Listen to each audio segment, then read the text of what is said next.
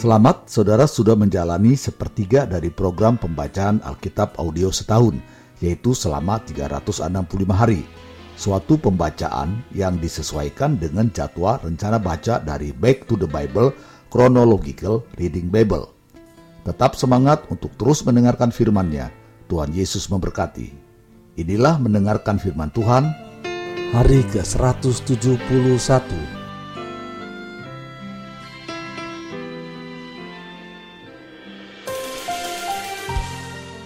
Pengkhotbah pasal 7 ayat 1 sampai 22. Hikmat yang benar. Nama yang harum lebih baik daripada minyak yang mahal dan hari kematian lebih baik daripada hari kelahiran. Pergi ke rumah duka lebih baik daripada pergi ke rumah pesta, karena di rumah dukalah kesudahan setiap manusia. Hendaknya orang yang hidup memperhatikannya. Bersedih lebih baik daripada tertawa, karena muka muram membuat hati lega. Orang berhikmat senang berada di rumah duka, tetapi orang bodoh senang berada di rumah tempat bersukaria. Mendengar hardikan orang berhikmat lebih baik daripada mendengar nyanyian orang bodoh. Karena seperti bunyi duri terbakar di bawah kuali, demikian tertawa orang bodoh, ini pun sia-sia. Sungguh pemerasan membodohkan orang berhikmat dan uang suap merusakkan hati. Akhir suatu hal lebih baik daripada awalnya. Panjang sabar lebih baik daripada tinggi hati. Janganlah lekas-lekas marah dalam hati, karena amarah menetap dalam dada orang bodoh. Janganlah mengatakan, "Mengapa zaman dulu lebih baik daripada zaman sekarang?" Karena bukannya berdasarkan hikmat engkau menanyakan hal itu. Hikmat adalah sama baiknya dengan warisan dan merupakan suatu keuntungan bagi orang-orang yang melihat matahari. Karena perlindungan hikmat adalah seperti perlindungan uang, dan beruntunglah yang mengetahui bahwa hikmat memelihara hidup pemilik-pemiliknya. Perhatikanlah pekerjaan Allah. Siapakah dapat meluruskan apa yang telah dibengkokkannya? Pada hari mujur bergembiralah, tetapi pada hari malang ingatlah bahwa hari malang ini pun dijadikan Allah seperti juga hari mujur, supaya manusia tidak dapat menemukan sesuatu mengenai masa depannya. Dalam hidupku yang sia-sia, aku telah melihat segala hal ini. Ada orang saleh yang binasa dalam kesalehannya. Ada orang fasik yang hidup lama dalam kejahatannya Janganlah terlalu saleh, janganlah perilakumu terlalu berhikmat. Mengapa engkau akan membinasakan dirimu sendiri? Janganlah terlalu fasik, janganlah bodoh. Mengapa engkau mau mati sebelum waktumu? Adalah baik kalau engkau memegang yang satu dan juga tidak melepaskan yang lain, karena orang yang takut akan Allah luput dari kedua-duanya. Hikmat memberi kepada yang memilikinya lebih banyak kekuatan daripada sepuluh penguasa dalam kota. Sesungguhnya di bumi tidak ada orang yang saleh, yang berbuat baik, dan yang tak pernah berbuat dosa. Juga janganlah memperhatikan segala perkataan yang diucapkan orang, supaya engkau tidak mendengar pelayanmu mengutuki engkau. Karena hatimu tahu bahwa engkau juga telah kerap kali mengutuki orang-orang lain. Ayat 23 sampai 29. Pengejaran hikmat yang mengecewakan. Kesemuanya ini telah kuuji untuk mencapai hikmat. Kataku, aku hendak memperoleh hikmat, tetapi hikmat itu jauh daripadaku. Apa yang ada itu jauh dan dalam, sangat dalam. Siapa yang dapat menemukannya?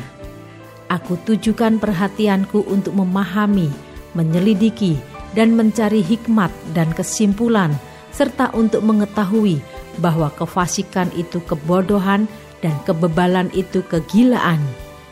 Dan aku menemukan sesuatu yang lebih pahit daripada maut, perempuan yang adalah jala, yang hatinya adalah jerat, dan tangannya adalah belenggu. Orang yang dikenan Allah terhindar daripadanya tetapi orang yang berdosa ditangkapnya. Lihatlah ini yang kudapati, kata pengkhotbah, sementara menyatukan yang satu dengan yang lain untuk mendapat kesimpulan yang masih kucari tetapi tidak kudapati. Kudapati seorang laki-laki di antara seribu, tetapi tidak kudapati seorang perempuan di antara mereka. Lihatlah hanya ini yang kudapati, bahwa Allah telah menjadikan manusia yang jujur, tetapi mereka mencari banyak dalih. Pengkhotbah pasal 8 ayat 1 Siapakah seperti orang berhikmat? Dan siapakah yang mengetahui keterangan setiap perkara? Hikmat manusia menjadikan wajahnya bercahaya dan berubahlah kekerasan wajahnya. Ayat 2 sampai 8. Kepatuhan kepada raja. Patuhilah perintah raja demi sumpahmu kepada Allah. Janganlah tergesa-gesa pergi dari hadapannya. Janganlah bertahan dalam perkara yang jahat, karena ia berbuat apa yang dikehendakinya. Karena titah raja berkuasa, siapakah yang akan mengatakan kepadanya, "Apakah yang Baginda buat?"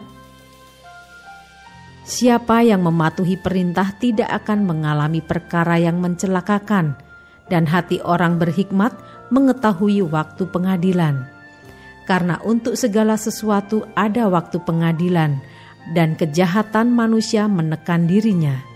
Sesungguhnya ia tidak mengetahui apa yang akan terjadi karena siapakah yang akan mengatakan kepadanya bagaimana itu akan terjadi? Tiada seorang pun berkuasa menahan angin, dan tiada seorang pun berkuasa atas hari kematian. Tak ada istirahat dalam peperangan, dan kefasikan tidak melepaskan orang yang melakukannya. Ayat 9 sampai 17. Pekerjaan Allah tidak dapat diselami manusia. Semua ini telah kulihat dan aku memberi perhatian kepada segala perbuatan yang dilakukan di bawah matahari. Ketika orang yang satu menguasai orang yang lain hingga ia celaka. Aku melihat juga orang-orang fasik yang akan dikuburkan boleh masuk, sedangkan orang yang berlaku benar harus pergi dari tempat yang kudus dan dilupakan dalam kota. Ini pun sia-sia. Oleh karena hukuman terhadap perbuatan jahat tidak segera dilaksanakan, maka hati manusia penuh niat untuk berbuat jahat. Walaupun orang yang berdosa dan yang berbuat jahat seratus kali hidup lama, namun aku tahu bahwa orang yang takut akan Allah akan beroleh kebahagiaan, sebab mereka takut terhadap hadiratnya. Tetapi orang yang fasik tidak akan beroleh kebahagiaan dan seperti bayang-bayang ia tidak akan panjang umur karena ia tidak takut terhadap hadirat Allah.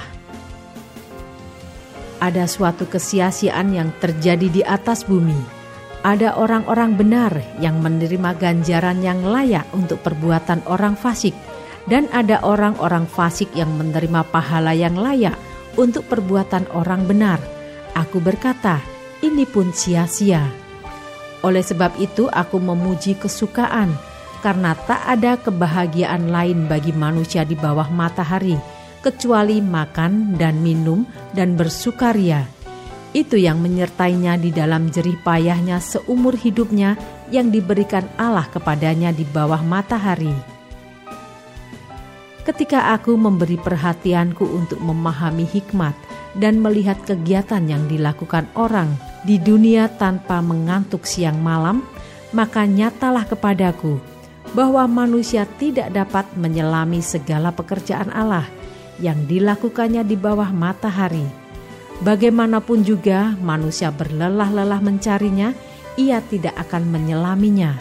Walaupun orang yang berhikmat mengatakan bahwa ia mengetahuinya, namun ia tidak dapat menyelaminya. Pengkhotbah pasal 9 ayat 1 sampai 12. Nasib semua orang sama. Sesungguhnya semua ini telah kuperhatikan, semua ini telah kuperiksa, yakni bahwa orang-orang yang benar dan orang-orang yang berhikmat dan perbuatan-perbuatan mereka, baik kasih maupun kebencian, ada di tangan Allah. Manusia tidak mengetahui apa pun yang dihadapinya segala sesuatu sama bagi sekalian. Nasib orang sama, baik orang yang benar maupun orang yang fasik, orang yang baik maupun orang yang jahat, orang yang tahir maupun orang yang najis, orang yang mempersembahkan korban maupun yang tidak mempersembahkan korban. Sebagaimana orang yang baik, begitu pula orang yang berdosa. Sebagaimana orang yang bersumpah, begitu pula orang yang takut untuk bersumpah. Inilah yang celaka dalam segala sesuatu yang terjadi di bawah matahari.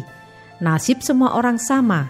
Hati anak-anak manusia pun penuh dengan kejahatan, dan kebebalan ada di dalam hati mereka seumur hidup, dan kemudian mereka menuju alam orang mati. Tetapi siapa yang sudah termasuk orang hidup mempunyai harapan, karena anjing yang hidup lebih baik daripada singa yang mati. Karena orang-orang yang hidup tahu bahwa mereka akan mati, tetapi orang yang mati tak tahu apa-apa. Tak ada upah lagi bagi mereka, bahkan kenangan kepada mereka sudah lenyap. Baik kasih mereka maupun kebencian dan kecemburuan mereka sudah lama hilang, dan untuk selama-lamanya tak ada lagi bahagian mereka dalam segala sesuatu yang terjadi di bawah matahari. Mari, makanlah rotimu dengan sukaria, dan minumlah anggurmu dengan hati yang senang, karena Allah sudah lama berkenan akan perbuatanmu. Biarlah selalu putih pakaianmu, dan jangan tidak ada minyak di atas kepalamu. Nikmatilah hidup dengan istri yang kau kasihi seumur hidupmu yang sia-sia, yang dikaruniakan Tuhan kepadamu di bawah matahari, karena itulah bahagianmu dalam hidup dan dalam usaha yang engkau lakukan dengan jerih payah di bawah matahari. Segala sesuatu yang dijumpai tanganmu untuk dikerjakan, kerjakanlah itu sekuat tenaga, karena tak ada pekerjaan, pertimbangan, pengetahuan, dan hikmat dalam dunia orang mati, ke mana engkau akan pergi.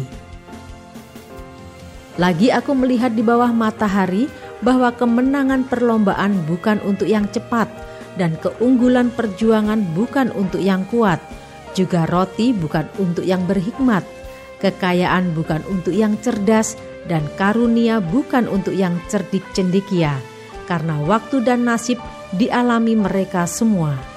Karena manusia tidak mengetahui waktunya, seperti ikan yang tertangkap dalam jala yang mencelakakan, dan seperti burung yang tertangkap dalam jerat Begitulah anak-anak manusia terjerat pada waktu yang malang, kalau hal itu menimpa mereka secara tiba-tiba. Ayat 13 sampai 18. Hikmat lebih baik daripada kuasa. Hal ini juga kupandang sebagai hikmat di bawah matahari dan nampaknya besar bagiku. Ada sebuah kota kecil, penduduknya tidak seberapa. Seorang raja yang agung menyerang, mengepungnya, dan mendirikan tembok-tembok pengupungan yang besar terhadapnya. Di situ terdapat seorang miskin yang berhikmat. Dengan hikmatnya ia menyelamatkan kota itu, tetapi tak ada orang yang mengingat orang yang miskin itu. Kataku, hikmat lebih baik daripada keperkasaan, tetapi hikmat orang miskin dihina dan perkataannya tidak didengar orang. Perkataan orang berhikmat yang didengar dengan tenang lebih baik daripada teriakan orang yang berkuasa di antara orang bodoh. Hikmat lebih baik daripada alat-alat perang, tetapi satu orang yang keliru dapat merusakkan banyak hal yang baik. Pengkhotbah pasal 10 ayat 1 sampai 20. Akibat-akibat kebodohan. Lalat yang mati menyebabkan urapan dari pembuat urapan berbau busuk Demikian juga sedikit kebodohan lebih berpengaruh daripada hikmat dan kehormatan. Hati orang berhikmat menuju ke kanan, tetapi hati orang bodoh ke kiri. Juga kalau ia berjalan di lorong, orang bodoh itu tumpul pikirannya, dan ia berkata kepada setiap orang, "Orang itu bodoh." Jika amarah penguasa menimpa engkau, janganlah meninggalkan tempatmu karena kesabaran mencegah kesalahan-kesalahan besar. Ada suatu kejahatan yang kulihat di bawah matahari sebagai kekilafan yang berasal dari seorang penguasa. pada banyak tempat yang tinggi didudukkan orang bodoh, sedangkan tempat yang rendah diduduki orang kaya. Aku melihat budak-budak penunggang kuda dan pembesar-pembesar berjalan kaki seperti budak-budak. Barang siapa menggali lubang akan jatuh ke dalamnya, dan barang siapa mendobrak tembok akan dipagut ular. Barang siapa memecahkan batu akan dilukainya. Barang siapa membelah kayu akan dibahayakannya. Jika besi menjadi tumpul dan tidak diasah, maka orang harus memperbesar tenaga, tetapi yang terpenting untuk berhasil adalah hikmat. Jika ular memagut sebelum mantra diucapkan, maka tukang mantra tidak akan berhasil. Perkataan mulut orang berhikmat menarik, tetapi bibir orang bodoh menelan orang itu sendiri. Awal perkataan yang keluar dari mulutnya adalah kebodohan, dan akhir bicaranya adalah kebebalan yang mencelakakan. Orang yang bodoh banyak bicaranya, meskipun orang tidak tahu apa yang akan terjadi dan siapakah yang akan mengatakan kepadanya apa yang akan terjadi sesudah dia. Jerih payah orang bodoh melelahkan orang itu sendiri karena ia tidak mengetahui jalan ke kota. Wahai engkau tanah, kalau rajamu seorang kanak-kanak dan pemimpin-pemimpinmu pagi-pagi sudah makan, berbahagialah engkau tanah kalau rajamu seorang yang berasal dari kaum pemuka dan pemimpin-pemimpinmu makan pada waktunya dalam keperkasaan dan bukan dalam kemabukan. Oleh karena kemalasan runtuhlah atap dan oleh karena kelambanan tangan bocorlah rumah. Untuk tertawa orang menghidangkan makanan, anggur meriangkan hidup, dan uang memungkinkan semuanya itu.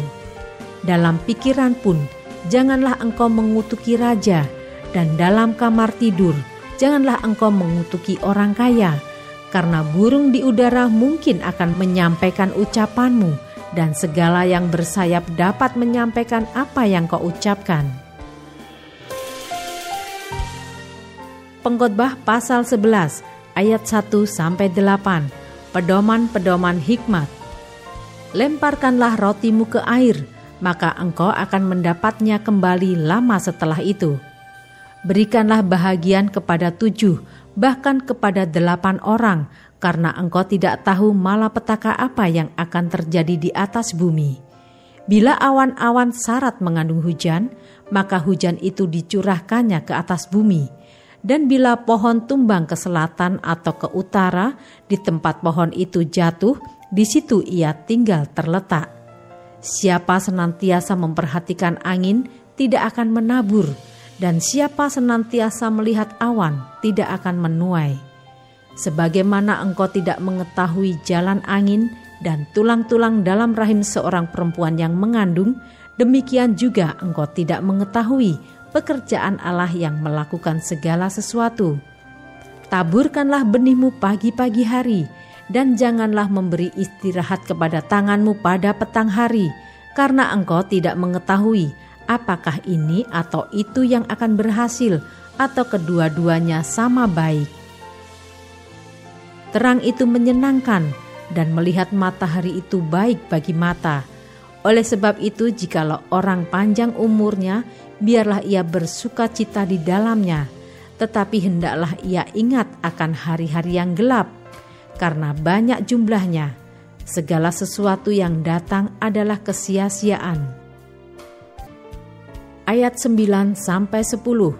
Nasihat bagi pemuda-pemudi. Bersukarialah hai pemuda dalam kemudaanmu, biarlah hatimu bersuka pada masa mudamu dan turutilah keinginan hatimu dan pandangan matamu.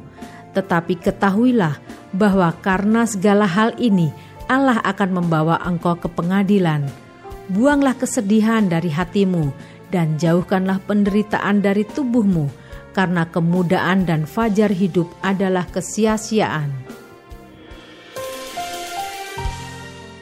Pengkhotbah pasal 12 ayat 1 sampai 8 ingatlah akan penciptamu pada masa mudamu, sebelum tiba hari-hari yang malang dan mendekat tahun-tahun yang kau katakan, tak ada kesenangan bagiku di dalamnya. Sebelum matahari dan terang, bulan dan bintang-bintang menjadi gelap, dan awan-awan datang kembali sesudah hujan. Pada waktu penjaga-penjaga rumah gemetar, dan orang-orang kuat membungkuk, dan perempuan-perempuan penggiling berhenti karena berkurang jumlahnya, dan yang melihat dari jendela semuanya menjadi kabur, dan pintu-pintu di tepi jalan tertutup, dan bunyi penggilingan menjadi lemah. Dan suara menjadi seperti kicauan burung, dan semua penyanyi perempuan tunduk. Juga orang menjadi takut tinggi, dan ketakutan ada di jalan.